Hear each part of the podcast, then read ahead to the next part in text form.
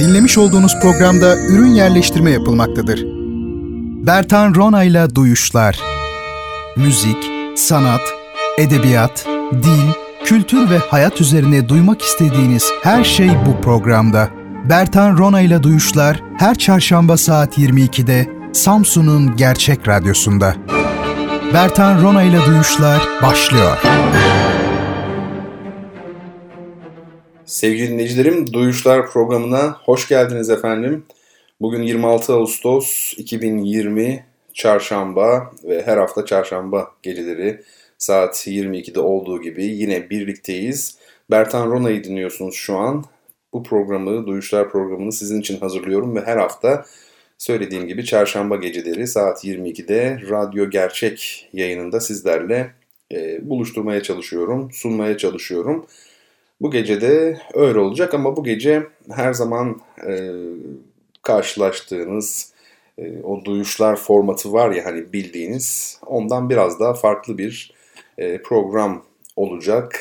Sadece tek bir e, konuya odaklanacağız bu gece. O konuda gezginlik, seyahat, yolculuk, yol.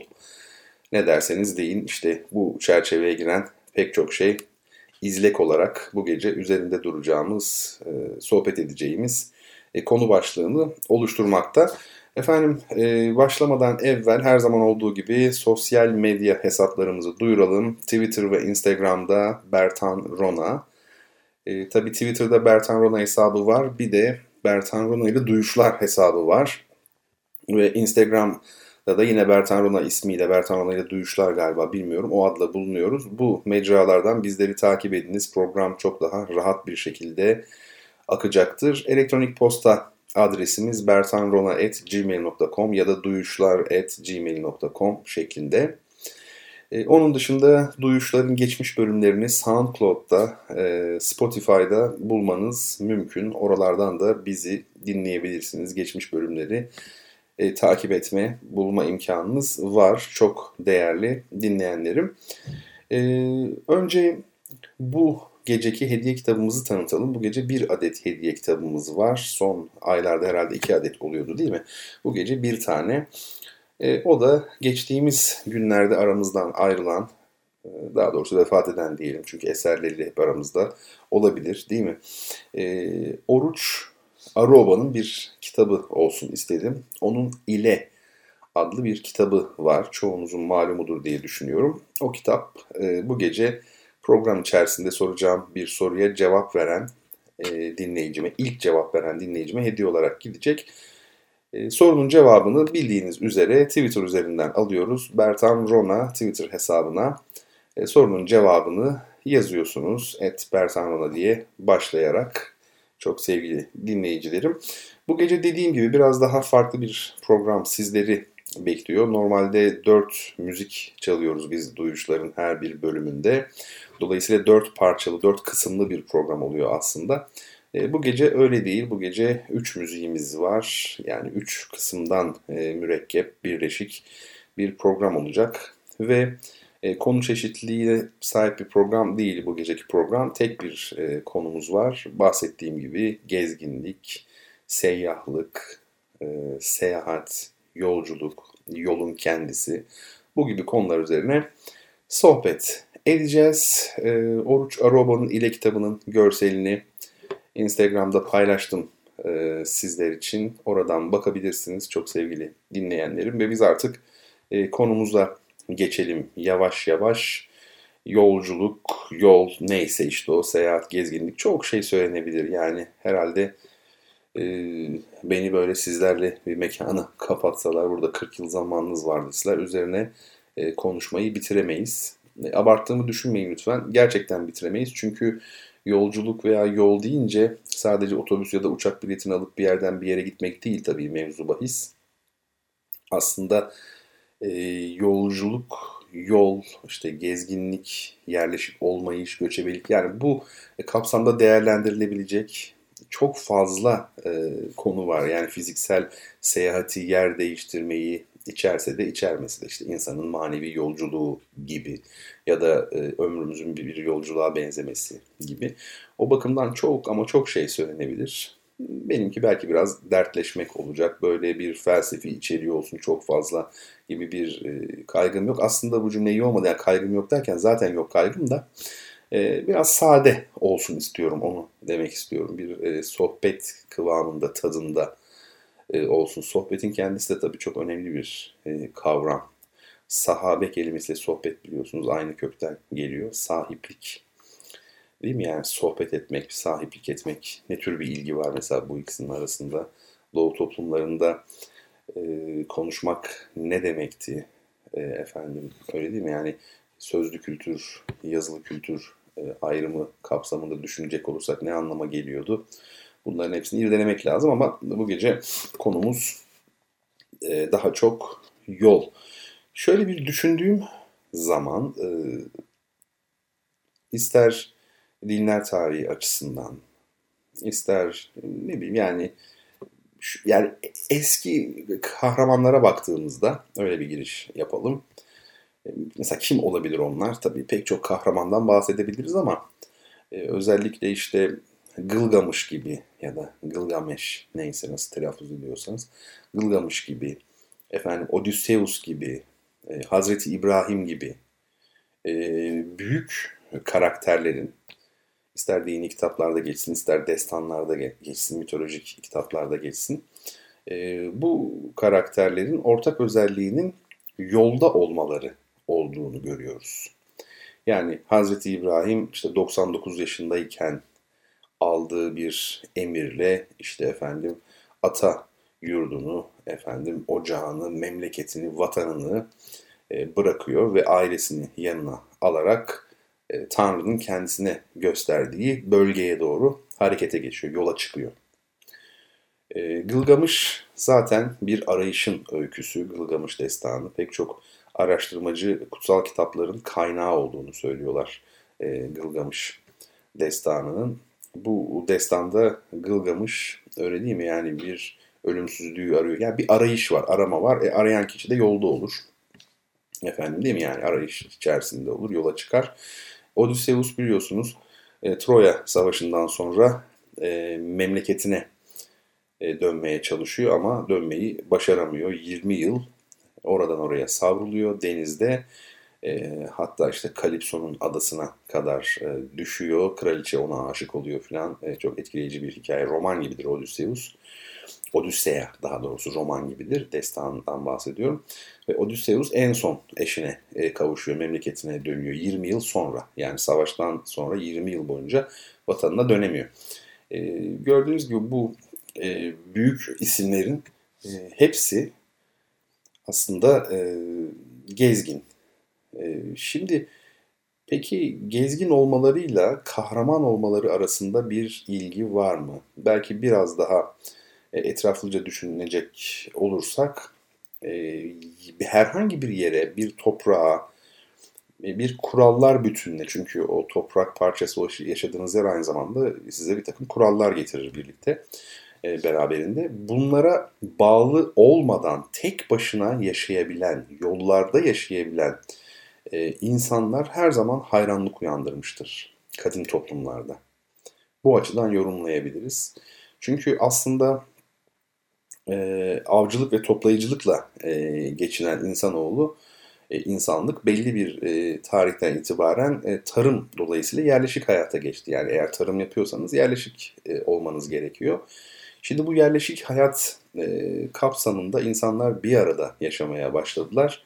Ve e, hani bir söz vardır ya sürüden ayrılanı kurt kapar diye. Ancak bir arada yaşayarak belki hayatta kalabildiler eskiden e, bir hani eskiden değil de şu e, lanet denilen bir kavram var ya lanet ya da işte hani melun melun denir melun melun şeytan. Melun aslında kovulmuş demektir. Şeytani racim yani recm edilmiş taşlanarak kovulmuş anlamına da gelir.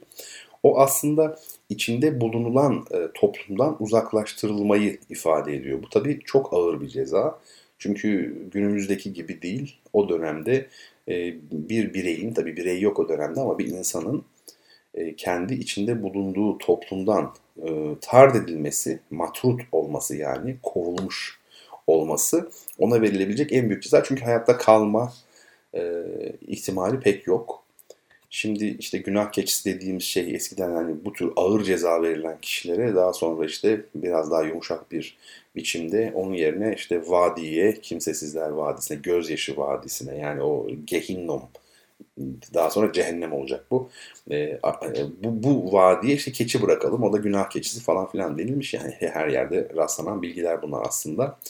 Dolayısıyla içinde bulunan toplumdan kopmak, e, taşlanarak uzaklaştırılmak, rejim olunmak yani bu manada baktığınızda e, en büyük e, ceza.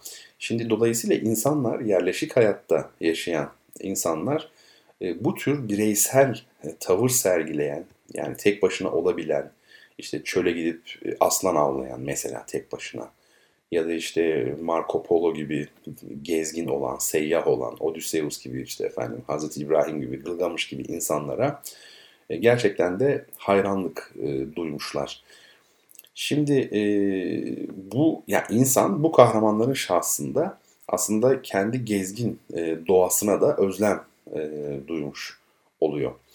E, gerçekten de baktığınız zaman e, başta dünya olmak üzere yani gezegenlerden, yıldızlardan, galaksilerden en küçük parçacıklara bu atom altı parçacıklara kadar e, kainatta her şey hareket halinde. Bir anlamda gezgin yani seyahat etmeyen yok. Aslında e, hareket dediğimiz şey maddenin bir var olma biçimi. Yani maddenin bir özelliği hareket. Ona dışarıdan verilen ekstra sonradan arızi olarak var olan bir şey değil. E, maddenin özüyle ilgili maddenin içinde kendiliğinden var olan bir şey. Yani hareketsiz bir madde olamaz. Hareketsiz madde maddesiz hareket kadar anlamsız bir şey. O ünlü sözde söylendiği gibi.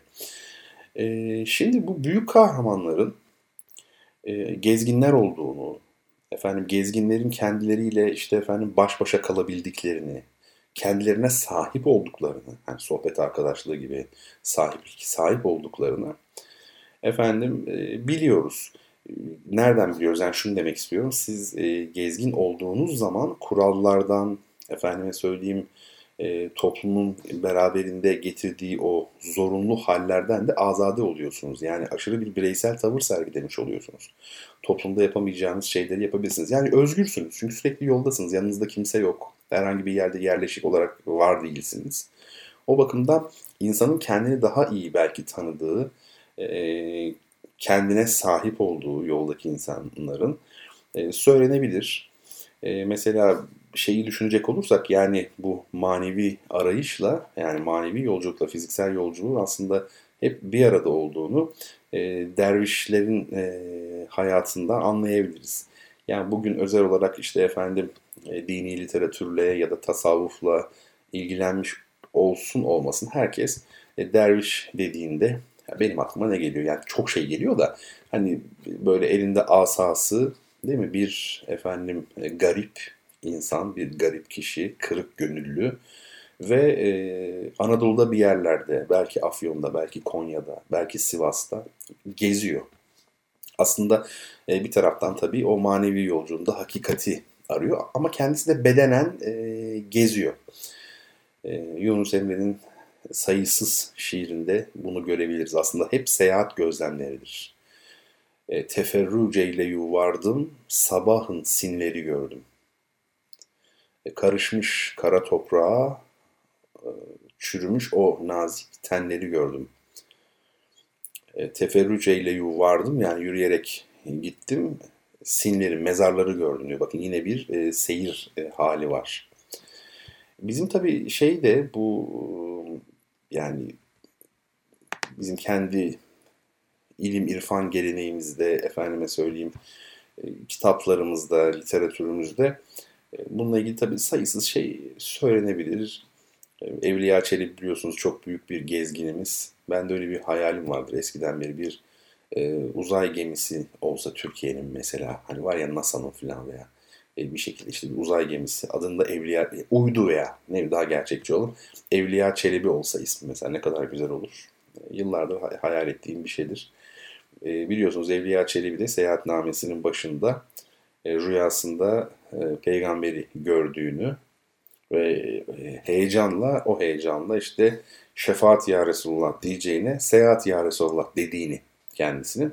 E, peygamberin de onun bu isteğini kabul ettiğini, e, Allah'ın kabul ettiğini tabii önce ve dolayısıyla kendisinin de e, bir ömür boyu yollarda olduğunu, e, yollarda geçen bir ömür sürdüğünü anlatıyor. E, şüphesiz şöyle suizan etmeyelim Evliya Çelebi'ye ama Evliya Çelebi'nin kelime, kelimelerle oynamayı çok sevdiğini, çok nüktedan olduğunu biliyoruz. Bu arada ne güzel kelimeler vardı bir zamanlar değil mi? Şimdi hiç kalmadı mesela esprili diyoruz, espritüel falan deniyor bazen. Ama bir zamanlar nüktedan vardı, nükte. Nükte nokta ile akraba. Yani bu işin inceliği noktası. Orada bir nokta var, orada bir ince bir nükte var e, manasında kullanılıyormuş. Nükteden pek kalmadı. E, aslında kullansak ne güzel olur.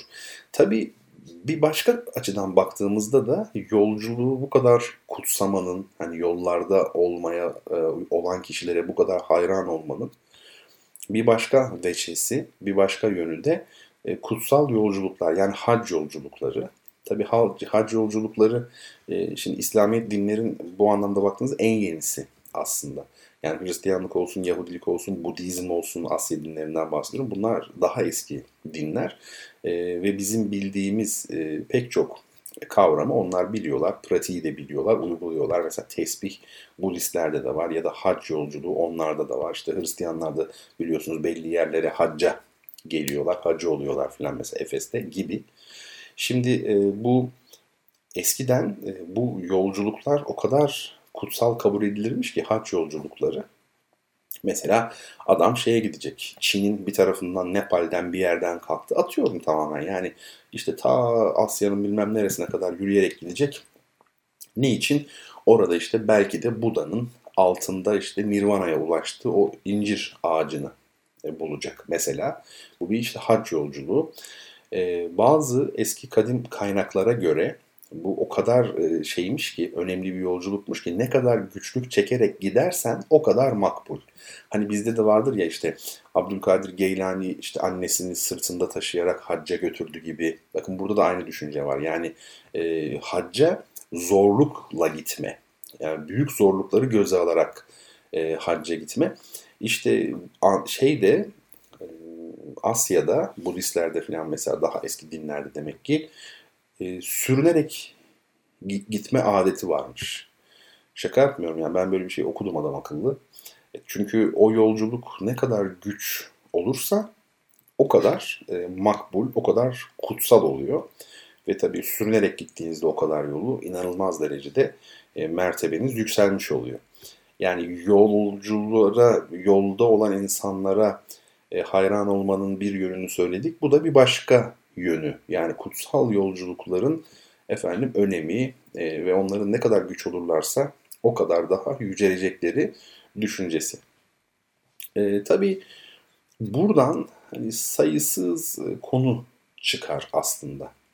E, ilk insanlar şöyle bir baktığımızda değişimi ve hareketi görmüşler. Yani tabiatta sürekli bir hareket hali var. Rüzgar esiyor, yapraklar kıpırdıyor, efendim dereler akıyor, güneş doğuyor, tekrar batıyor, işte bahar falan vesaire kış. Bunu görmüşler. Bir hareketlilik var. Ama bir süre sonra bir şeyi de fark etmişler ki hareket ne kadar olursa olsun bir süre sonra sanki başladığı yere dönüyor gibi. Mesela gün içerisinde düşünün. işte sabah uyandınız değil mi? Öğle oldu, ikindi oldu, akşam oldu, yatsı oldu. Sonra tekrar başa dönmüş gibi oldu. Yani hareket var ama başa dönülüyor. Özellikle de yıllık hareketi dünyanın. Yani işte ilkbahar, yaz, sonbahar, kış uzun bir zaman yani bir yıl, bir koca yıl ama arkasından bakıyorsunuz tekrar aynı noktadasınız. Yıldızlar tekrar aynı yere geliyor. Burada tabii e, dairevi bir hareket var. Yani hareket ediyorsunuz ama başladığınız yere dönüyorsunuz. O bakımdan eski tarih anlayışı e, ya da dinlerde var olan e, hareket kavramı daha ziyade daireseldir. E, bu tabi daire kavramının kendisine ilişkin çok ciddi bir sembolizmi de beraberinde getirmiştir. Yani daire baktığınız zaman en yakın e, iki noktası aslında en uzak iki noktasıdır dairenin öyle değil mi? Birbirine en yakın iki nokta, en uzak iki nokta. Burada aslında tabi zıtların birliği, e, her şeyin zıddıyla kaim olduğu düşüncesi var ya, zıtların bir arada bulunduğu düşüncesinde çok güzel bir sembolü, simgesi oluyor daire.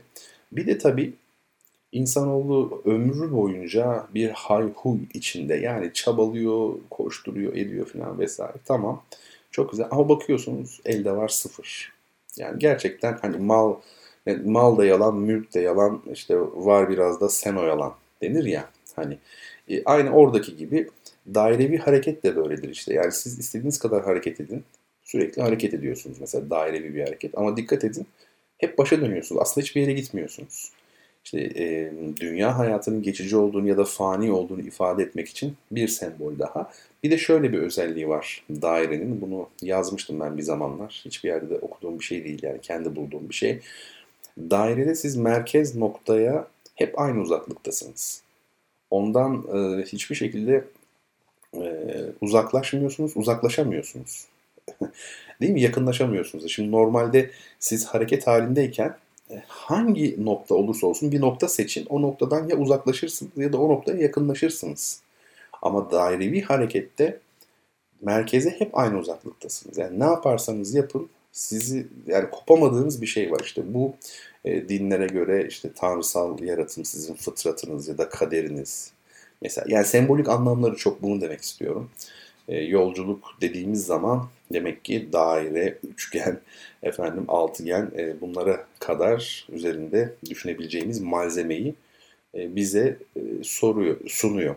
Bir de şu var tabii e, hani doğuda, doğu toplumlarında yani doğu dünyasında e, zaman algısı e, daha bariz kuzeye ve batıya göre. Yani ne demek istiyorum? Şimdi mesela müzikten örnek verecek olursak işte serenat diye bir şey var. İşte hani akşam müziği, gece müziği diye biliyoruz ya. Ama mesela bir de obat var. Obat da onun karşıtı. O da şafak müziği yani sabah e, yapılan müzik. E, ya da mesela bakın her şeyle ilgili bunlar. Günün saatleriyle ilgili. Ya da mesela yine e, bizde beş vakit ezan var. Yani şeye göre tanımlanmış. Değil mi? Sabaha yani güneşin doğuşuna falan vesaire.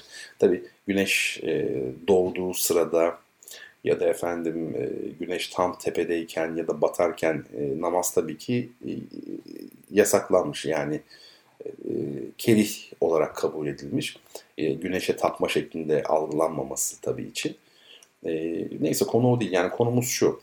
E, günün belli vakitleriyle öyle değil mi? Yani okunan ezan arasında baktığımız zaman bir ilgi var. Ya da eski şeylerde, Türk imparatorluklarında, Göktürklerde, Hunlarda filan bakıyorsunuz Hakan e, ne kadar büyükse onun sarayının önünde ya da işte otağının önünde fark etmez. Onun konutu neresiyse onun önünde e, günün belli vakitlerinde nöbet vurma geleneği var. Yani nöbet vurma. Orkestra çıkıyor, borular var içinde işte efendim yani şöyle çalgılar, vurmalı çalgılar var. Orkestra çıkıyor ve e, günde dört defa, günde işte efendim beş defa neyse müzik yapıyor. Bakın müzikle burada bir zaman arasında bir ilişki görüyoruz. Şunu demek istiyorum. E, kuzey toplumlarında bu böyle değil. Çünkü yani nedeni çok basit, aşırı derecede basit. Dünyanın kendi ekseni etrafındaki dönüş hızı takdir edersiniz ki güneyde kuzeyde olduğuna göre çok daha kuzeyde olduğundan çok daha yüksek.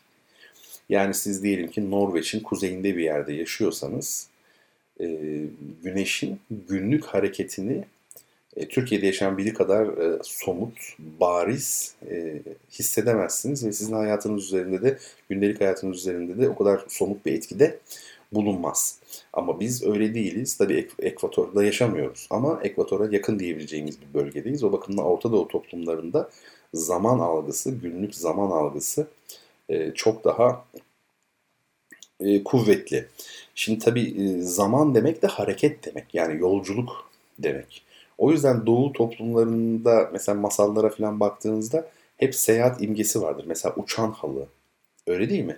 Yani Binbir Gece masallarında hep yolculuklar vardır. Uçan halı çok e, güzel bir doğu simgesidir. Yani hem uçuyor, hareket ediyor, yolculuk var hem de halı.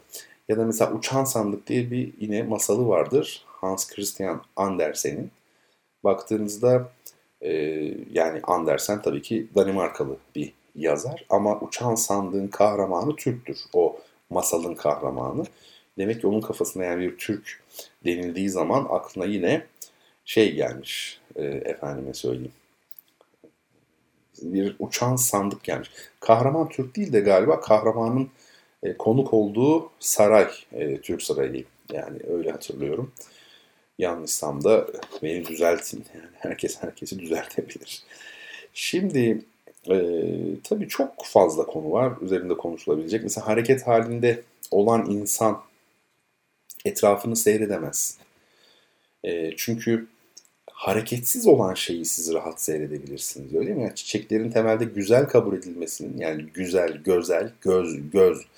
Çiçeklere niye güzel diyoruz? Çünkü onları biz gözleyebiliyoruz. Hareketsizler, sabitler.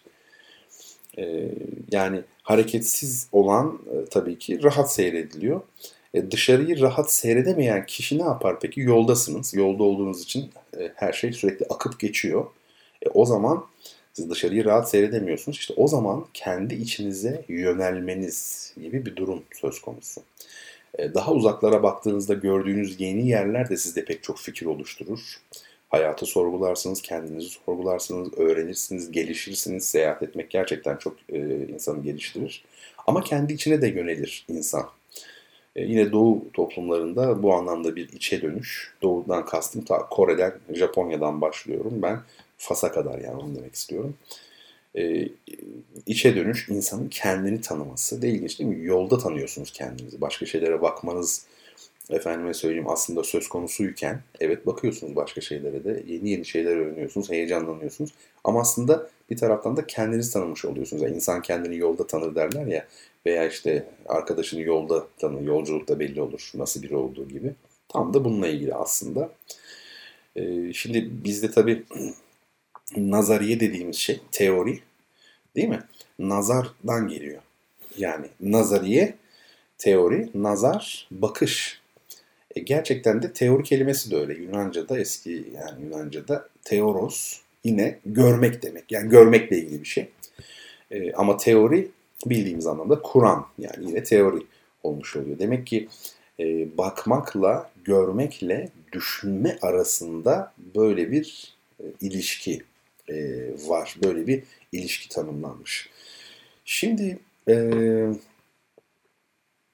çok güzel bir söz söyleyeyim de öyle bitireyim bari. E, bir müzik arası verelim. Sonra devam edeceğiz tabii yine. E, Muhittin Arabi Hazretleri'nin bir sözü var. Şöyle diyor.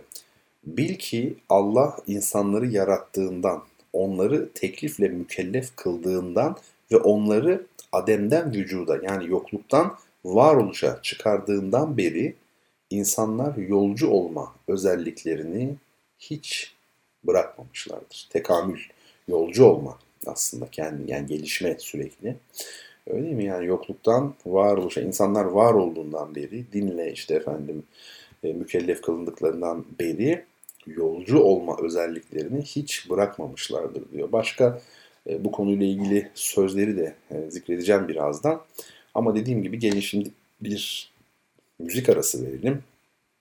Bugüne uygun e, müzikler seçtim. İnsanı düşünceye sevk eden, çok, hem çok güzel hem çok derin, hiç öyle parlak e, olmayan, daha çok içe bakan yine e, müzikler seçtim. Üçü de birbirinden güzel gerçekten. Biri e, en büyük Türk bestecilerinden biri olan Ahmet Adnan Saygun'un Opus 12 e, violonsel ve piyano sonatının ikinci bölümü, Largo bölümü. Şimdi bu parçayı dinleyelim. E, violonselde Dilba Tokay, piyanoda Emine Serdaroğlu var. Bu olağanüstü müziği ama gerçekten olağanüstü müziği dinledikten sonra yol üzerine, yolculuk üzerine, seyahat üzerine, seyyahlar, seyyahlık üzerine, gezginlik, göçebelik, yerleşik olmayış üzerine sohbetimize devam edelim efendim.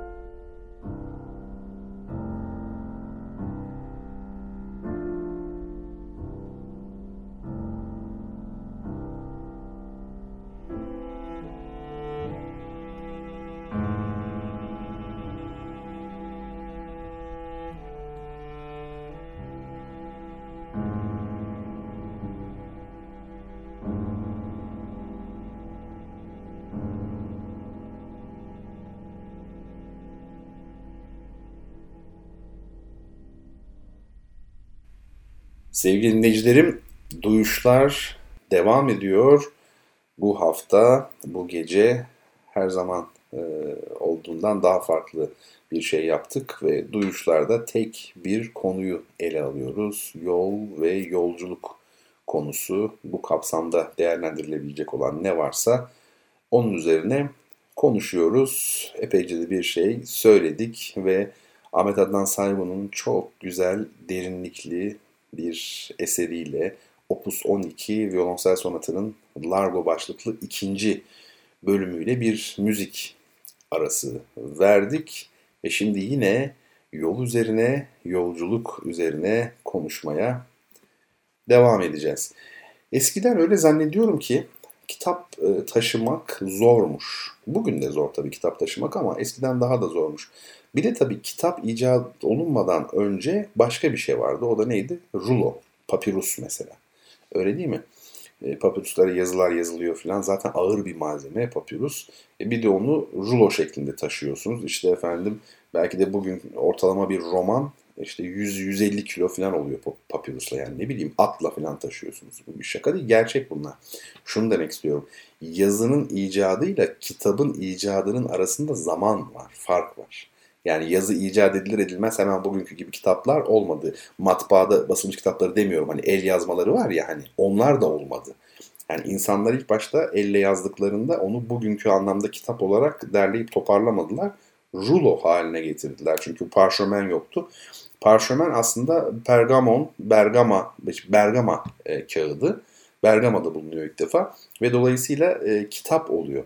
E, biz kesinlikle kitabın ana vatanının e, Türkiye olduğunu söyleyebiliriz. Yani Anadolu. Bu topraklarda bulundu kitap. Yazı demiyorum bakın ama kitap bu topraklarda bulundu. E, çok da e, bence önemli.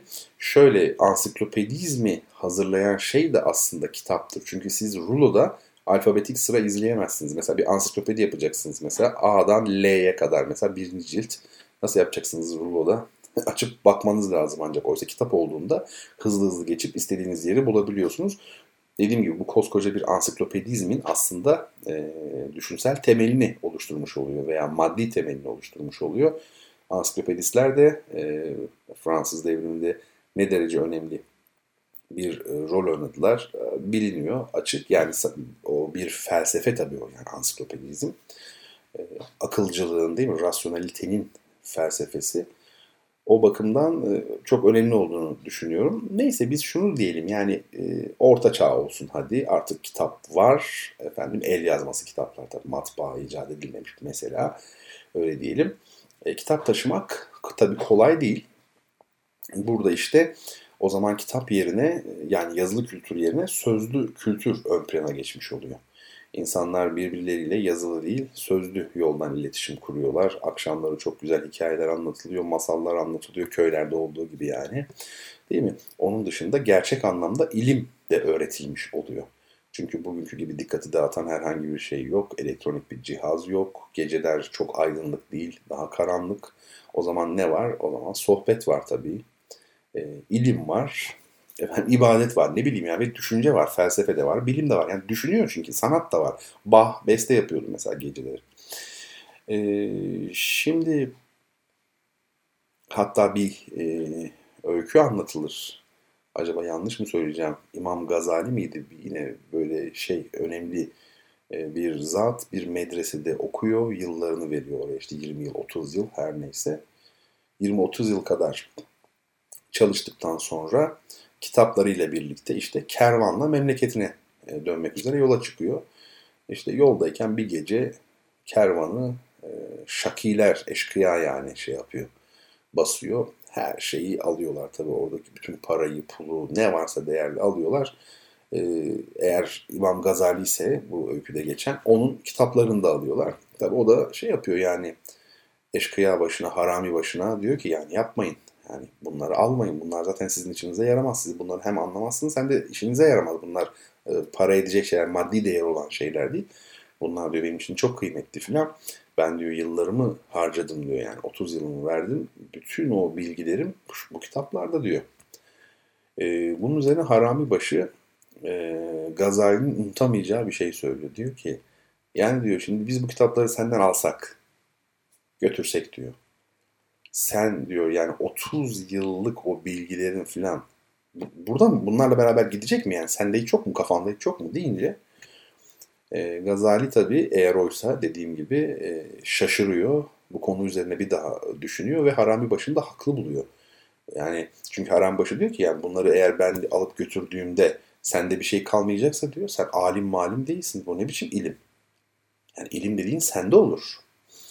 Ve e, Yine rivayet o ki işte bu alim zat işte belki İmam Gazali bu olay üzerine kitaplarını bırakıyor ve gidip bu defa bütün o ilimleri ezber olarak daha sözlü olarak öğreniyor. E, böyle e, anlatılır.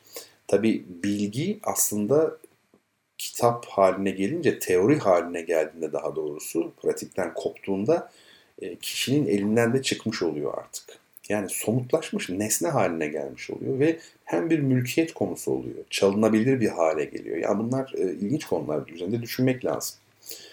Semboller tabi sadece daire maire değil. Öyle değil mi? Mesela bisiklet çok güzel bir sembol. B iki demek biliyorsunuz. bicycle diyor ya İngilizler onlar çok enteresan. By diyor ya B.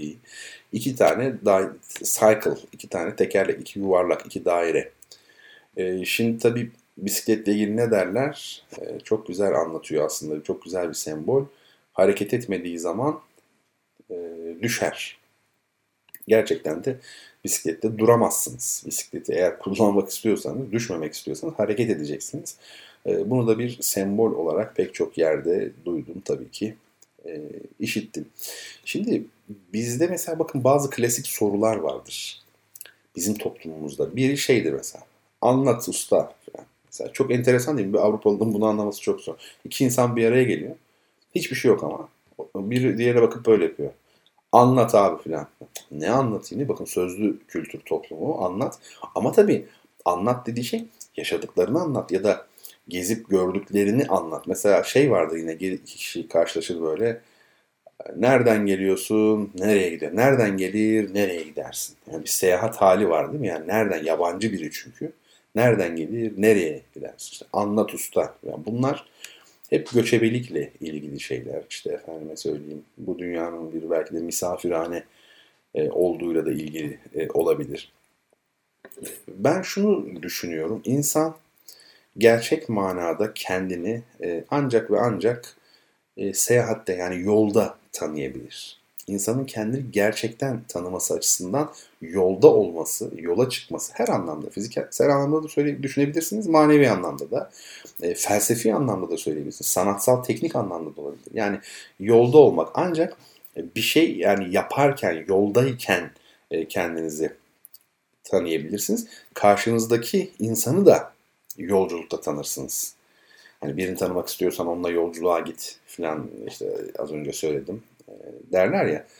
E, hakikaten de öyle hem o kişiyi yani insanın nasıl biri olduğu işte yolculukta size yoldaşlık ettiğinde yol arkadaşı olduğunda ortaya çıkar. Esas tıyneti, esas kalibresi, esas kalitesi diye.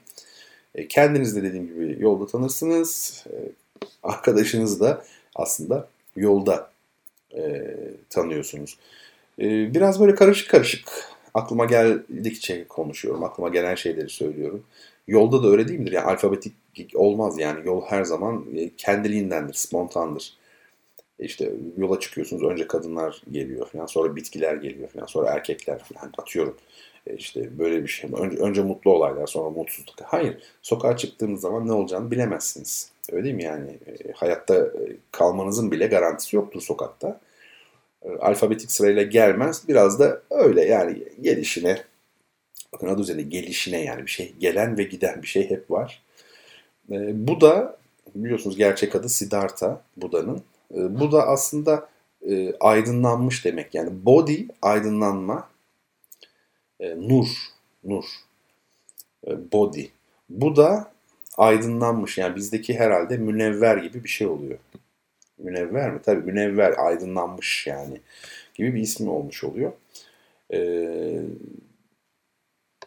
o da tabii seyahatle bu da oldu. Yani kendisi 18 yaşındaydı, belki 17 yaşındaydı. Aslında bir prens yani kendisi ülkeyi e, devralacak olan kişi, kral olacak. Ama evet ve evli de bir de çocuğu var. İşte o çocuk dünyaya geldiği gün e, Siddhartha eşini, çocuğunu, her şeyi bakın ne, ne kadar benziyor değil mi? Hazreti İbrahim'e söylenen şey neydi Tevrat'ta işte diyor ki e, sana göstereceğim ülkeye git yani eşini, çocuğunu, eşin çocuğunu değil yani ata yurdunu falan ocağını terk et sana göstereceğim memlekete git. Burada da öyle. Burada da e, seyahatle yola hani bir yola çıkıyor ve en sonunda tabii Siddhartha artık aydınlanıyor. Aydınlandığı zaman da Buda oluyor yani ismi de Buda. Body aydınlanma. Buda aydınlanmış. Değil mi? Yani nur, nurlanmış. Şimdi tuhaf bir şey söyleyeyim. Yani insan hemen her şeyi elleriyle e, yapmıştır. Yani insanı insan yapan şey eldir. Biz o yüzden el öpme geleneği var mesela. O ta önceki kuşaklardan kalan bir şey. Öyle değil mi? Çünkü el kutsal bir anlamda. Çünkü insan insan yapan el. Niye hiçbir hayvanın eli yok? Elden kastım böyle beş parmaklı falan bir organ olabilir. Niye bizim gibi kullanamıyor? Paganini'nin keman konçertosunu çalsın bakalım. Ya da işte efendim böyle incecik işçilikle mesela bir tesbih yapsın atıyorum değil mi? Ee, aslında onu yapan el değil, onu yapan insanın beyni. Dolayısıyla insan eli Kant'ın dediği gibi dışa doğru uzamış bir beyin aslında. Beynin somutlaşması. O yüzden bir tek insanda var. Ve insan her şeyi ne yaptıysa e, eliyle yapmış. Yani aletleri de önce eliyle yapıyor. Bir keresinde öyle bir şey söylemiştim. Yanlış anlaşıldı herhalde o. Yani insanı e, diğer canlılardan farklı kılan şey toplumsal çalışma faaliyeti. Ama ben öyle demedim. Ben dedim ki kendi eliyle yaptığı aletleri kullanarak sergilediği toplumsal çalışma faaliyeti. Çünkü arılarda da toplumsal çalışma faaliyeti var. Yani bir av yaparken bazen kurtlar da aslanlar da toplumsal olarak çalışıyor, işbirliği yapıyorlar. Mesele o değil. Mesele alet yapmak ve o aletle birlikte toplumsal bir çalışma etkinliği ortaya koymak. İnsanı insan yapan bu.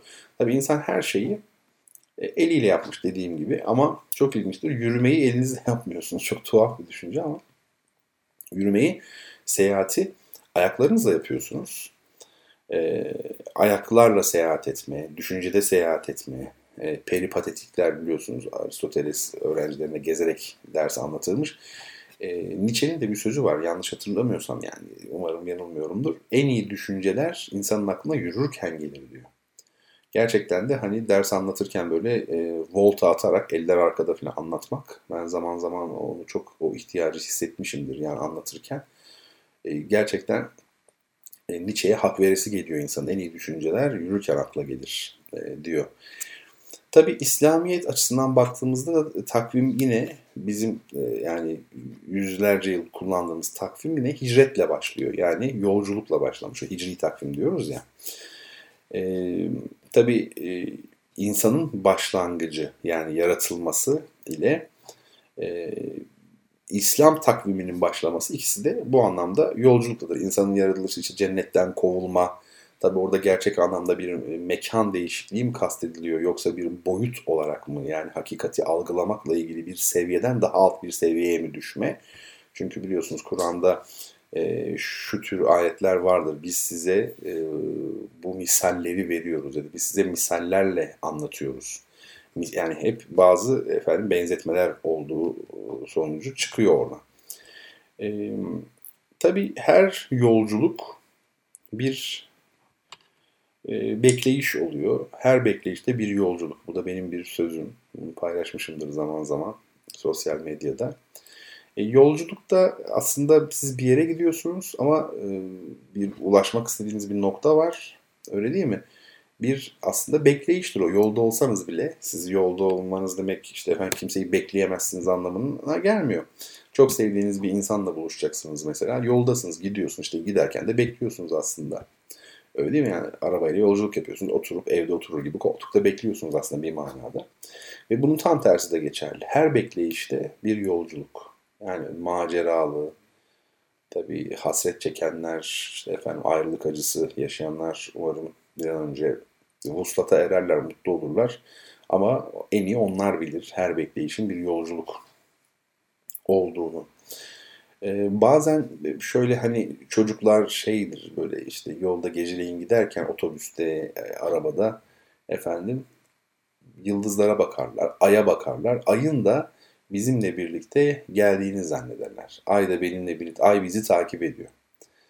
E, tabi bilmiyor ki biz onu takip ediyoruz aslında. Nereye gidersek gidelim ay olacak orada tabi. Onu da e, bilmediği için ayın bizi takip ettiğini zanneder küçük çocuklar. Bunu bu Twitter'daki takipçi meselesiyle ilişkilendirerek yazmıştım bir defasında. Gerçekten de Twitter'da böyle işte takipçi sayısı artsın diye böyle günde 500 tane, günde 1000 tane yazan insanlar var. Aslında e, kimin kimi takip ettiği tartışılır. O kişiler mi sizi takip ediyor, siz mi onların peşinde koşuyorsunuz? Çünkü e, insanlar beni takip etsin diye e, sürekli şeye bakmak, işte o sayıya kaç kişi beni takip ediyor falan diye bakmak aslında sizin onu takip ettiğinizi gösterir. Bu aslında kötü bir şey. Bir de her şeyi nicelize eden, böyle sayısallaştıran bir kültür var. Yani bugün yani bir e, işte ne bileyim yani isim belki vermek doğru değil ama mesela İbrahim Tatlıses iseniz hiçbir şey yazmasanız da işte 5 milyon takipçiniz olabilir. Yani mesele nedir yani sayı mı? E, önemli olan gerçekten e, nasıl kullanıyorsunuz şeyi, sosyal medyayı, diyelim ki Twitter'ı. Gerçekten inandığınız, doğru olduğunu düşündüğünüz ya da o günler itibariyle gündeminizi, zihinsel gündeminizi meşgul eden ve insanlara yararlı olabileceğini düşündüğünüz e, paylaşımlarda mı bulunuyorsunuz mesela? Öyle olduğu zaman e, sayı valla çoğu kişinin takipçi sayısı çok fazla. Mesela ben kendi takipçi sayımı çok fazla buluyorum. Çok fazla yani nasıl çok fazla? Şimdi mesela 30 bin civarı bir takipçim var ki ben çoğu zaman günlerce yazmadığımda oluyor. Şimdi bu 30 bin takipçi bana korkunç bir rakam gibi geliyor. Çünkü 30 bin değil, 3 bin değil, 30 kişi olsa ben yine çok derdim. Çünkü o yazdıklarımı gerçekten önemseyecek, bunu dikkate alacak. Bazen soyut şeyler oluyor, bunu anlayacak falan. Böyle dertleri olacak insan sayısı 30 bin o çok bence fazla e, yüksek. O yüzden e, şey çok önemli. Kitlenin niteliği e, çok çok önemli. Yani nicelik değil, sayısı değil, e, niteliği. Bu önemli. Kızılderililerin bir sözü varmış çok çok güzel. Şöyle diyormuş. Arkandan koşanlara dikkat et. Seni takip mi ediyorlar yoksa kovalıyorlar mı anlayamazsın diye. Yani değil mi? Arkanızdan takipçi gibi değil mi? Sizi takip ediyorlar, geliyorlar falan ama aslında belki de size çok zararlılar. Yani değil mi? E, sizi takip mi ediyorlar yoksa arkanızdan mı koşuyorlar, kovalıyorlar? Dedim ya kim kimi takip ediyor belli olmaz diye. E, o söz de gerçekten çok güzel. E, yollarla ilgili konuş konuş bitmez. Yolculukla ilgili konuş konuş bitmez. Aklıma Metin Altıok geliyor. E, Metin Altıok'ta yerleşik olmayış, göçebelik çok temel bir izlektir. Bir acıya kiracı, yani hep kiracıdır o. Hiçbir zaman e, mal sahibi olmamıştır. E, Edip Cansever, Oteller Kenti mesela. Dikkat edin. Veya sürekli otellerde yaşayan Yahya Kemal. Sürekli yollarda olan Nazım Hikmet, bambaşka bir kapsamda da olsa. Bitmez yani yolla ilgili söylenecek şeyler bitmez. Ee, şeyin Ömer Kavur'un filmleri, yolda geçen filmleri. Değil mi yani? Yol, hep bir arayış. Yunus Emre. Yakında onunla da ilgili güzel bir etkinlik olacak. Üzerine çalışıyoruz. Sürprizi bozulmasın diye söyleyeyim şimdi. E, Hafız Hafız Şirazi. Bir Sadi Şirazi var. Şirazlı Sadi bir de Şirazlı Hafız. Demiş ki kendi yolunun engeli yine sensin. Kalk orta yerden diyor. Kalk orta yerden veya oturduğu yerden. Bu şey yani Farsça tabii Türkçe'ye çevrilmiş ama düşünceyi anlayabiliyoruz. Bir insanın yolunun engeli yine kendisi oluyor aslında. Değil mi? İnsanların e, kendilerini yolda tanımaları ile ilgili yani o konuyla ilişkilendirilebilecek bir şey daha söyleyeyim. Aklıma geldi şimdi. Andrei Gide büyük tabii düşünce insanı, edebiyatçı. Andrei Gide'in çok güzel bir sözü var. Açılmamış kanatların büyüklüğü bilinemez diyor. Açılmamış kanatların büyüklüğü bilinemez. Şimdi burada iki mesele var bana kalırsa. Bir tanesi görünüşe bakarsan aldanırsın diyor. Çünkü açılmamış kanatların büyüklüğü bilinemez. Ee, dışarıdan görüyorsun sen. Açmamış ki kuş kanadının ne kadar büyük olduğunu bilmiyorsun. Yani biçime e, bakıp aldanma. İkincisi de kendini ancak yolda tanırsın diyor. Açılmamış kanatların büyüklüğü bilinemez. Yani neyi yapabileceksin, neyi yapamayacaksın o kuş üzerinden çok çok güzel bir sözle anlatmış. Yani insan kendini ancak yolda tanır, deneyerek tanır, iş başında ancak tanır, kendi özelliklerini anlamaya çalışır. Şimdi tabii seyahat etmek gezme değildir ee, sadece. Onu söyleyeyim. Yani eğer seyahat etmek, gezmek olsaydı mesela Türk Hava Yolları'nın bir e, dergisinde şöyle bir şey vardı. Hatırlayacak olanlar vardı. Çıkacaktır mutlaka. Diodon Holocanthus sizden daha çok seyahat ediyor diyor. E, Diodon Holocanthus bir böyle çok değişik bir okyanus canlısı. Böyle dikenli bir balığımsı bir şey böyle çok acayip. O işte her yıl 18 ülke geziyormuş falan da. Orada da diyor ki e, dergide Diodon Holocanthus resmi de var böyle. Yılda 18 ülkeye seyahat ediyor. Ya siz diyor. Şimdi e, tabii eğer yani gezmek nedir, seyahat etmek nedir, sadece yer değiştirmek midir, farklı ülkelerde bulunmak mıdır eğer öyleyse işte o zaman hiçbirimiz zaten Diodon Holocanthus'da yarışamayız belki de. Ona indirgememek lazım. Şimdi e, Aziz Mahmut Hüdayi Hazretleri bu Celvetiye e, celvetiyenin anlamı e, yani yerini yurdunu terk etmek. Yerini yurdunu terk eden kişi aslında iki şeyini bırakmış oluyor. Yani celvetiye diyoruz ya kök olarak yer yurdunu terk etme. E, iki şeyini bırakmış oluyor. Malının mülkünü bırakıyor. Çünkü terk ettiniz siz. Bir de neyi bırakıyor? Malı mülküyle beraber alışkanlıklarını da bırakmış oluyor. O, o daha beter. Mal mülk yine somut bir şey. Yani bırakırsan bırakırsın ama alışkanlıklar e, hakikaten terk edilmesi pek kolay şeyler değil. Ee, şimdi çok fazla şey var konuşulabilecek. Mesela şey geldi aklıma. Yine benim bir sözüm yolun ne kadar olursa olsun ancak kendin kadar gidersin diye. Bir insan ancak kendi kadar gider. Ya benim yolum ne kadar diye merak ediyorsan kendine bak. Sen ne kadarsan yolunda o kadardır. Yani isterse kısa olsun yol. Sen gidemedikten sonra bir anlamı var mı? Sen gidemiyorsan o yol yine uzun demektir. Gidemiyorsun çünkü. Dolayısıyla biz yola değil kendimize bu manada odaklanmalıyız. Ee, kendiyle çünkü yani kontaktı, kendiyle teması olmayanlar, kendinden haberi olmayanlar öyle diyeyim. Gerçek manada aslında seyahat edemezler pek. Niye? Çünkü nereye giderlerse gitsinler e, kendilerini götüremeyecekler. Çünkü kendiyle teması yok ki adamın. Adam kendiyle irtibat halinde değil ki gittiği hiçbir yere de kendini götüremiyor doğal olarak. Burada bir şey var. E, sıkıntı var. O bakımdan bir yoldaki en büyük engel yine o yolu giden kişinin kendisi e, olmuş oluyor. Evet çok e, konu var. Yine konuşabiliriz. Bizde mesela bu şey erenler diye bir kavram vardı değil mi? E, ricali gayb erenleri ya da normal erenler, ermek diye bir kavram var. Barış dediğimiz şey var ya huzur aslında yani peace İngilizce barış anlamına da gelir ama daha çok huzur anlamına gelir. Değil mi? O bizde mesela barış dediğimiz şey aslında varıştır. Varıştan geliyor barış. Yani iki tarafın birbirine varması. İki taraf birbirine vardığında her anlamda ister işte efendim iki sevgili kavuşsunlar, ister iki kavgalı kişi kavuşsun, ister iki ülke, millet, oba neyse efendim kavim kavgalıyken, düşmanken dost olsunlar. Bir araya geldiklerinde varmış oluyorlar birbirlerine. O zaman e, barış oluyor. Yani varış dediğimiz şey barış. Ve tabi huzur anlamına da geliyor. İslam da temelde huzur demektir aslında kelime olarak baktığımızda. E, tabii çünkü normalde yani o huzur anlamına geliyor ve bir şeyin bir şeye değmesi, yapışması, bir arada olması anlamında. İlk e, fiil yine Kur'an'ın ikra, oku. O da aslında biliyorsunuz harflerin birbirine değdirilmesidir. Harfler birbirine değecek ki anlam çıksın değil mi? Okunsun. Yani uzun şeyler yani tabii konular ama hep birbirine değme, yapışma, bir arada olma var. Samet kelimesinde aslında anlamı bu. E, vesaire vesaire. E, tabii yerleşik olmadığınız zaman kendinize misafir olduğunuzu da anlıyorsunuz. Yani ben kendime misafirim. O zaman kendinize iyi davranın. Efendim madem misafirsiniz, kendi kendinizin misafirisiniz.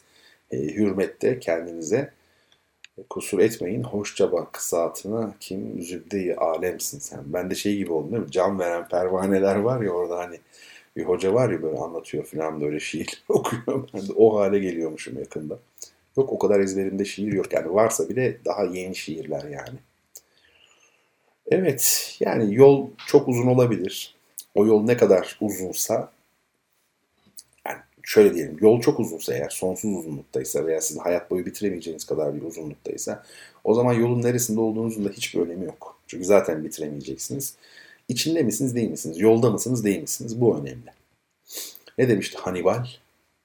Meşhur Kartacalı komutan. Ya bir yol bulacağız ya bir yol açacağız dedi. Yol bulamazsak herhalde Alpleri geçerken mi dedi artık bilmiyorum ama ya bir yol bulacağız ya bir yol açacağız. Güzel e, söz. Tabii başka mevzular da var. Çok acayip işler var. Mesela başka yerden gelenler diye bir kavram var. Günümüz insan olarak biz çok rahatız. Değil mi? Kendimizi güvende hissediyoruz. Ama işte 1500 yıl önce yaşasaydık nereden kimin geleceği belli değil. Yani karanlıkta geceleyin bir yerden birileri gelebilir ve senden çok kalabalık olabilirler, daha güçlü olabilirler, kötü niyetli olabilirler ki muhtemelen de öyle. E, elinde ne varsa alabilirler, seni öldürebilirler, kötülükler yapabilirler değil mi pek çok şey. Uzaktan gelenler işte onlar kim mesela? Yavan ne demek? Yonan ne demek? Juvenalis, Juve, Civan mesela bunlar ne anlam taşıyor? Yaban kelimesiyle bir ilgisi var mı? Yani uzaktan yürüyerek gelenler. Mesela tacik diye bir kelime var. Tacik, tazi. Aslında tazı yani tazan, yürümek o da ilginçtir. Tazı, tazı köpeğiyle hızlı yani gidiyor ya. Öyle yani Tacik mesela bir yerden gelen insanlar. Bir yerden gelen birileri var sürekli. Kızılderililer mesela birdenbire Amerikalıları buldular veya İspanyolları buldular karşılarında. Değil mi yani son derece şey e, tehlikeli. Bir yerden birileri geldi. O yüzden şey ne dedi? Ölmeden evvel Stephen Hawking eğer uzaylılar eğer kontak kurmak isterlerse yani öyle bir gelişme olursa cevap vermeyin dedi. Çünkü dedi onların bizle teması Christoph Kolomb'un Kızılderililerle temasına benzer. Ve bildiğiniz gibi bu yakınlaşmanın sonucu Kızılderililer için hiç iyi olmamıştı diyor. Çünkü gelecek olan insanlar muhtemelen bizden daha ileri bir uygarlık. Nereden biliyoruz? Onlar geldi çünkü. Güçleri yetti gelmeye. İşte biz ancak belli bir yere kadar gidiyoruz değil mi? Plüton'a kadar ancak bir fotoğraf çekebildik mesela. Yani e, kainatın boyutları, bizim güneş sistemimizin, işte efendim galaksimizin boyutları tabii dudak uçuklatacak boyutlar. E, yani güneşin şöyle söyleyelim, ayın 1 santimetre olduğu bir model düşünelim. Yani ayın dünyaya uzaklığı 1 santimetre ise güneşin uzaklığı 498 met santimetre oluyor. Yani 4 5 metre oluyor. Efendim bu ölçeğe göre Samanyolu galaksisinde bize en yakın olan yıldızın uzaklığı 1500 kilometre. Ki bu yıldız normalde bizi 4,3 ışık yılı uzaklıktaki Alpha Centauri. Oysa ki bizim galaksinin çapı zaten bilmiyorum ama yani 120 bin ışık yılı falan galiba. Yani bu söylediğimi bu bölüm Spotify'a falan düştüğü zaman, SoundCloud'a düştüğü zaman bu, bu söylediğim kısmı şöyle bir geriye alıp alıp bir bakın bir hesap yapın ne kadar çılgın bir şey olduğunu e, o zaman e, anlayacaksınız. Yani hakikaten çok kainat büyük ve biz çok küçüğüz. Gelen biri olursa muhtemelen bizden daha sağlam yani şeyler, güçlüler. Başka yerden gelenler. Peki bu başka yerden gelenleri de yine bir müzik arasından sonra konuşalım. Şimdi size e, bir e, güzel parça çalacağım. Bu parça Unanswered Question, e, Charles Ives'ın bir eseri. Yaklaşık 120-130 yıl önce yazılmış bir kompozisyon. Cincinnati Philharmonia Orkestrası Gerard Samuel'in yönetiminde seslendirecek. İlk dinlediğimde vurulduğum e, insanoğlunun kainatın yazgısını e, ortaya koyduğunu hissettiğim, o derinliği bulduğum, kelimelerle anlatılamayacak kadar inanılmaz bir müzik bu. E, yani bir taraftan iyilik bir taraftan kötülük. Bu ikisinin savaşı gibi öyle düşünün yani biraz belki e, hafif indirgemiş oldum ama e, tek kelimeyle inanılmaz bir müzik. E, o işte efendim müzik tarihi açısından çok ilerici olması, çok böyle devrimci yönlerinin olması, çığır açması, o bakımdan tanınmış bir kompozisyon olması falan değil benim derdim. E, teknik yönlerinden bahsetmiyorum. Yani içerik olarak baktığınızda gerçekten e, hani yin yang var ya o karşıtlık iki zıttın bir arada olması. O net bir şekilde e, hissediyorsunuz. Ama önce sorumu sorayım. Kitap hediyeli sorumu. E, Oruç Arıoba'nın İle adlı kitabını e, çok değerli dinleyenlerim birinize hediye edeceğiz tabii ki. Bu sorunun cevabını, birazdan soracağım sorunun cevabını Bertan Rona Twitter hesabına mention yazarak, mention ile e, cevaplayan ilk kişi, ilk dinleyicime gönderiyorum. Soru şöyle. Ama soruyu cevap bulacağım falan diye de e, müziği sakın ıskalamayın yani. Müziği altını çizdim yani bu gece çok özel müzikler. Zaten duyuşların müzikleri güzel ama e, bu çok çok iyi bir şey müzik. Soru şöyle. Milattan önce 28 Mayıs 585'te gerçekleşen güneş tutulmasını önceden bilip haber veren ünlü düşünür kimdir? Milattan önce 28 Mayıs 585'te bir güneş tutulması gerçekleşmiş. Bunu e, benim bildiğim bir yıl kadar bir zaman önceden e, bilip haber veren e, düşünür kimdir efendim? Müziğimizi dinleyelim. Cevaplanmamış soru, cevapsız soru. Unanswered Question Charles Ives'ın e, arkasından programımızın son kısmıyla birlikte oluruz.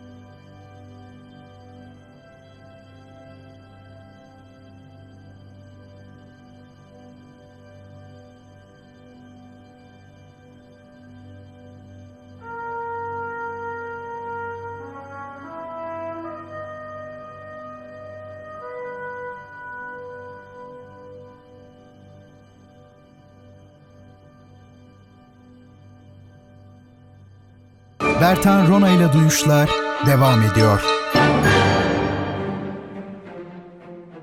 Sevgili dinleyicilerim Duyuşlar devam ediyor efendim. Twitter'da, Instagram'da Bertan Rona hesabımız. E, elektronik posta adresimiz bertanrona.gmail.com ya da duyuşlar.gmail.com Duyuşların bütün eski bölümlerini Spotify'da, SoundCloud'da bulabiliyorsunuz. E, bunu da söylemiş olayım. Twitter ve Instagram'da Bertan Rona adreslerinde bizi bulun e, ki Duyuşlar programını rahat takip edebilirsiniz. Bu hafta pek öyle olmadı ama e, çünkü genel olarak yani hep Instagram'da görseller oluyor. Oradan takip edebilirsiniz. Sorunun size sorduğum soruların cevaplarını Twitter üzerinden alıyoruz. O bakımdan e, Twitter Bertan Rona ve Instagram Bertan Rona bu iki hesap e, önemli. Efendim şimdi yolculuk, yol, gezmek, seyahat gibi konular üzerinde durduk bu gece ve programımızın son e, kısmında yine devam edeceğiz. Bu gece alıştığımız dört kısımlı e, duyuşlar yok. Onun yerine üç kısımlı bir program istedi. E, canım biraz böyle bir değişiklik olsun ve dedim bir teorik bir konu hakkında çok da fazla ama kendimizi de üzmeden, yormadan konuşalım. Esas mesele buydu. E, Tevrat'ta milletler sayılırken bir de Yavan diye bir topluluk geçiyor. Bu Yavan denilen aslında Yunan herhalde Yunanlılar olmuş oluyor. E, bu Yavan yaban yani bazı yazarlar bunun bizim kullandığımız yabancıdaki ya da yazı yaban ikilisindeki yaban var ya yabani mesela falan diyoruz. İşte e, orayla ilişkilendiren yazarlar var. Yani bu yabandan yabancı yürüyerek geliyor ya. Şimdi diyeceksin yürümekle ne alakası var? İşte civan dediğimiz şey, civa hareketli olur ya civan ve genç, civan mert mesela. Ya da young İngilizcesi, Almancası işte efendim young, e, juvenalis, juventus var ya yani juve, gençlik anlamında. Yani bir, birileri bir yerden geliyor hareketli ama bu tabi etimolojiler e, şüphesiz e, çalışılması gereken etimoloji, araştırılması gerekir yani kaynaklara bakılması gerekir. Ben sadece bir kaynakta okudum, yorumu aktardım o kadar. Ee, tabii bir de şu var, gezmenin, e, dolaşmanın, seyahat etmenin bir başka önemli yönü de özellikle fiziksel çalışmayı büyük oranda engellemesi. Yani aylak aylak geziyorsunuz anlamında söylüyorum. Yani fiziksel çalışamıyorsunuz çünkü geziyorsunuz sürekli. Ee, çalışmayan gezebilir ve gezen kişi zaten ne yapamaz? Çalışamaz mesela işte efendim çok zengin insanlar, sporcular falan, serseriler mesela. Değil mi? Mesela pikaresk roman denilen bir tür var. Barry Lyndon meşhur Stanley Kubrick'in filmi. Değil mi? Pikaresk roman yani serseri romanı bir yolda geçer o işte hep böyle. Başından geçen maceralar anlatılır. Serseri roman olmuş oluyor. Geçen yazdım yine Twitter'a ama bu aralar o çok, çok kurcalıyor aklımı. Çok hoşuma gitti. Dario Moreno ile Orhan Veli bir otelde odada karşılaşıyorlar da. İşte efendim ilk tanışmaları Dario Moreno diyor ki efendim diyor ben Deniz Dario Moreno diyor şarkıcıyım diyor. Orhan Veli de ben de diyor Orhan Veli boş gezerim diyor. çok güzel değil mi? Boş gezerim diyor ya. Çok bu kadar kendiyle barışık değil mi? Yani kendi durumunu çok net bir şekilde anlatan bir örnek. Yani hayran oldum gerçekten. Ben de Orhan Veli. Düşünsenize yani biriyle tanışıyorsunuz mesela. İşte siz diyorsunuz ki mesela benim adım işte Ayşe bilmem ne ben mühendisim efendim falan diyorsunuz. Karşıdaki adam da şey diyor ben de böyle boş gezerim. Boş geziyor işte. Orhan Veli zaten yürürken öldü biliyorsunuz. Şiir yazıyordu. Yürürken sürekli aklına bir şeyler geliyordu. Benim İstanbul Koşukları diye bir çıkardığım kitap vardı. O da tamamen yürüyüşlerde akla gelen edebi şeyler yani metinler, düşünceler. Ve e, adamcağız bir değil mi çukura düşüyor. Orhan Veli. işte beyin kanaması mı geçiriyor? Oradan kurtarıyorlar ama daha sonradan işte genç yaşta vefat ediyor yani. Yürüme şehidi adeta, gezgin şehidi. Boş gezerim yani. inanılmaz bir cevap. Ee, yavaş tabii mesela kaplumbağa ile tavşan. Yani kaplumbağa mı daha çok yolu tanır, tavşan mı daha çok yolu tanır? E kaplumbağa daha çok tanır yolu. Peki kendisini hangisi daha iyi tanır? Tabii ki yine kaplumbağa kendini daha iyi tanır. Çünkü kendi sınırlarında tanıyor kendisini ve yolda tanıyor. Yani sadece yolu daha iyi tanımıyor, kendisini de daha iyi tanıyor kaplumbağa. Yol o kadar tabii bizim kültürümüzde olan bir kavram ki Mesela Eşrefoğlu Al Haberi diye meşhur bir deyiş vardır. Ee, ne diyor? 72 dil bizdedir. Aba hırka şal bizdedir. Edep erkan yol bizdedir diyor. Şu üçlüye bakar mısınız? Edep erkan yol. Erkan, rükünler. Edep erkan yol. Yani usul, metodoloji bizdedir diyor adam yani metodoloji. Gerçekten yol dediği bu o. Yani usul anlamında e, kullanılıyor. E, tabii yolculuk e, dediğim gibi bir şey anlatır. Siz yola çıktınız, bir şeyler görüyorsunuz. O gördükleriniz size bir şey anlatıyor tabii. Öyle değil mi? Bir anlatım var, bir hikaye var, bir şey. Eskiden mesela e, yani şu bu şey var ya history kelimesi tarih ama story öykü demek. Şimdi eskiden tarihçilik bugünkü gibi kütüphanelerde falan masa başında oturarak yapılan bir şey değil. Herodot zamanını düşünün. 2500 yıl öncesi mesela. Yola çıkmanız lazım. Gideceksiniz mesela filanca köyde o dağı aşacaksınız falan bin bir güçlükle. O dönemlerde çok tehlikeli. Yani hayati tehlike bile var. O kadar bugünkü gibi güvenli yolculuklar yok. Gidiyorsunuz o dağı aşıyorsunuz orada bir köylü var. Onlardan gece neyi dinliyorsunuz? İşte bizim diyor dedemizin dedesinin bilmem neyi şöyleymiş de onlar buradan gelmişlerdi falan filan. Bunları siz not alacaksınız. Bunları not alacaksınız e, ve işte tarih olmuş oluyor. Dolayısıyla tarih dediğimiz şey bir story, bir hikaye anlatma üzerine e, de kurulu biraz aslında. Değil mi? Şimdi e, serüven anlamına da geliyor biliyor musunuz? Yani o history kelimesi serüven anlamına da geliyor. Çünkü hem tarihin kendisi bir serüven, macera hem de siz çıktığınız yollarda e, bin bir türlü macera yaşayabilirsiniz. Yani story hem serüven demek hem de tarih anlamına geliyor. Bir bundan bahsettik. Bir de story başka, history yani ikisi birbiriyle akraba. Yani hikaye ve tarih. Bunların da neden böyle olduğu üzerinde durmuş olduk. Mesela meşşailer var, peripatetikler değil mi? Gezimci, gizemci değil de gezimci okul. Yani Aristoteles'in efendim gezerek ders anlatması meselesi. Ee, mesela orada sofos diye bir kelime var biliyoruz. Sofos. Ee, ikisi de hem gezmek hem düşünmek demektir. Düşünme. Yani şu üçü, bakın şu üçü bakmak, düşünmek, gezmek, akraba. Mesela meşşai e, gezimci, tamam peripatetik, çok güzel ama temaşa da görmek demek. Dolayısıyla insan yola çıktığında önce görüyor değil mi? Yani bakıyor önce. Ondan, daha doğrusu şöyle önce geziyor. Gezdikçe görüyor, bakıyor. Ondan sonra da efendime söyleyeyim düşünmeye başlıyor, tefekkür etmeye başlıyor. İşte o bakımdan böyle bir üçlü var. Yani gezmek, görmek ve düşünmek. Tabii bütün bunları böyle e, söyledim. Şunu eklemek lazım. Yani kim yola çıkar? Derdi olan bir kitapta okumuştum. Yalnız derdi olan yola çıkar diyor. Yalnız olan ve derdi olan yola çıkar diyor. Gerçekten de yol çünkü bir arayıştır. Bir derdiniz yoksa, bir şeyi aramıyorsanız e, o yola çıkmanın da çok bir e, manası belki yok. Derdi olan yola çıkar. Sanatta da böyle derdi olan anlatır. Derdiniz yoksa niye anlatasınız ki?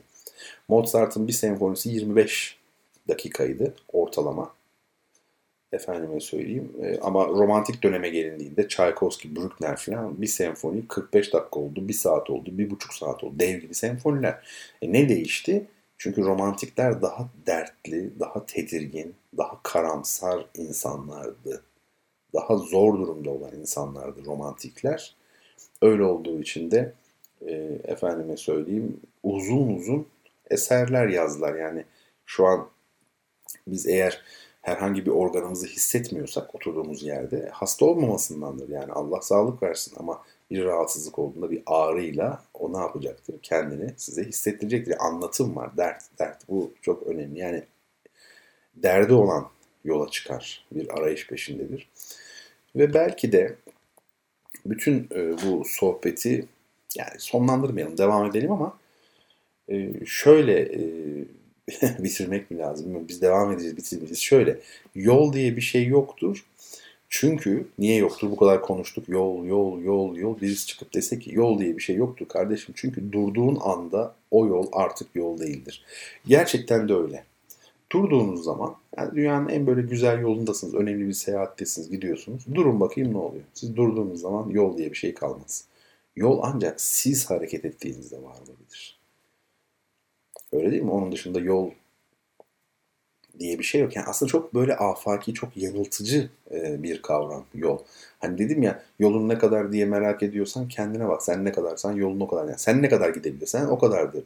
Tıpkı bunun gibi e, siz durduğunuz anda yol ortadan e, kalkmış oluyor. O açıdan baktığımızda yol diye bir şeyin de olmayabileceği aslında e, şey yapılabilir. Ne derler adına? E, düşünülebilir. Devam edelim yani bitirmeyelim. Birkaç şey daha söyleyelim. Ee, Murakami diyor ki insanın kendinden başka dönecek yeri var mıdır diyor. E gerçekten yani her acıdan sonra insan kendine mülteci değil mi de biz kendimize sığınırız aslında.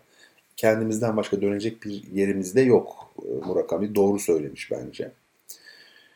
E, Antonio Machado, İspanyol şair. Diyor ki ey yolcu senin önünde yol falan yok diyor. Ne kadar yürürsen o kadar yol yaparsın diyor. Yani yürüdükçe o yolu sen yapacaksın diyor. Bakın bu da benzer bir düşünce. Yani bu senin önünde diyor yol falan yok. Sen yürüdükçe o yolu yol yapıyorsun. İşte yürümediğiniz zaman yol değil çünkü o. Siz yürüdükçe onu yol haline getiriyorsunuz. Makado da e, bu şekilde söylemiş. Böyle bazı yolla ilgili sözler düşündüm de mesela bir hadisi şerif e, çok sade ama çok az telaffuz edilen benim bildiğim kadarıyla bir hadisi şerif. Yani Peygamberimiz söylemiş. Demiş ki seyahat edin sıhhat bulursunuz demiş. Bundan e, daha açık bir söz olabilir mi? Seyahat edin sıhhat bulursunuz. Yani seyahatte gerçekten e, sıhhat var. E, başka yani yolla ilgili mesela nereden gelip gittiğini anlamayan hayvan imiş diyor Niyazi Mısri Hazretleri. Yani bu nereden gelip gittiğini derken tabii bu insanın dünyadaki yolculuğu kastediliyor. Ama Mark Twain'in bir sözü var inanılmaz. Ön yargı, taassup ve dar görüşlülüğün en iyi tedavisi seyahattir diyor. Gerçekten de kapalı toplumların insanları ön yargılı oluyor. Taassup, mutasip oluyor ve dar görüşlü oluyor. Yani bir denizcilik, bir dışa açılan bir yolculuk, böyle deniz yolculuğu falan değil mi yapmamış ise eğer kapalı bir yerde kalmışsa gerçekten e, bu sıkıntılar olabiliyor. İşte bunun en iyi tedavisinin Mark Twain seyahat olduğunu söylemiş. Yine Gustav Flaubert demiş ki seyahat etmek sizi mütevazı bir yapar. Dünyada ne kadar küçük bir yer işgal ettiğinizi görürsünüz. Ne kadar güzel değil mi? Yani dünyanın büyüklüğünü görüyorsunuz. Çünkü e, sürekli yerleşik bir insan için dünya e, en fazla ufuk çizgisi neresiyse orası. Yani gördüğü alandan ibaret. Ama şimdi siz geziyorsunuz. O zaman dünyanın büyüklüğünü görüyorsunuz ve dünyada ne kadar küçük bir yer işgal ettiğinizi görüyorsunuz. Yani seyahat etmek sizi mütevazı biri yapıyor. Gustav Flaubert'in söylediği gibi bakın her sözde bir gerçekten öğrenilecek şey var, kıymetli şeyler. Ben bir zamanlar şöyle yazmışım. İster seyahatte, ister hayatta olsun kim olduğun nereye gittiğinden daha önemlidir. Çünkü nereye gidersen git mutlaka kendini de götüreceksin. Ee, öyle değil mi gerçekten? Yani biz nereye gidersek gidelim e, kendimizi de götüreceğiz. Ancak şunu unutmamak gerekiyor. Ee, yine bu benim bir sözüm. Başka ülke ve diyarları gezip gördüğü gibi kendini de gezip görene ne mutlu. Yani başka ülkeleri, başka diyarları gezip görmek mümkün olabilir ama e, biz e, belki de kendimizi gezip görmeyi bundan çok ama çok daha güç başarabiliyoruz. E, onu başarabilene gerçekten ne mutlu ve bir şey daha söyleyeyim son olarak.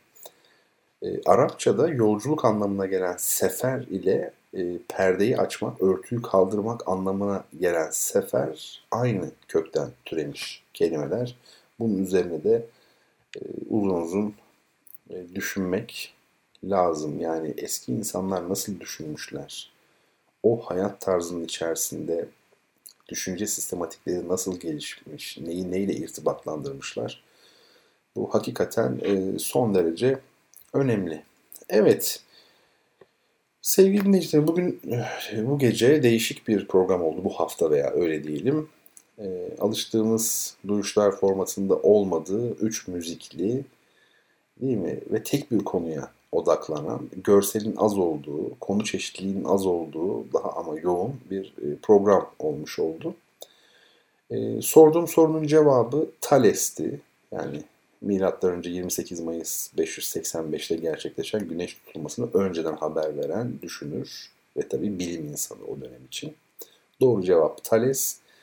Doğru cevabı ilk yazan dinleyicimden adını, soyadını, adresini ve telefon numarasını rica ediyorum. Twitter üzerinden de olabilir.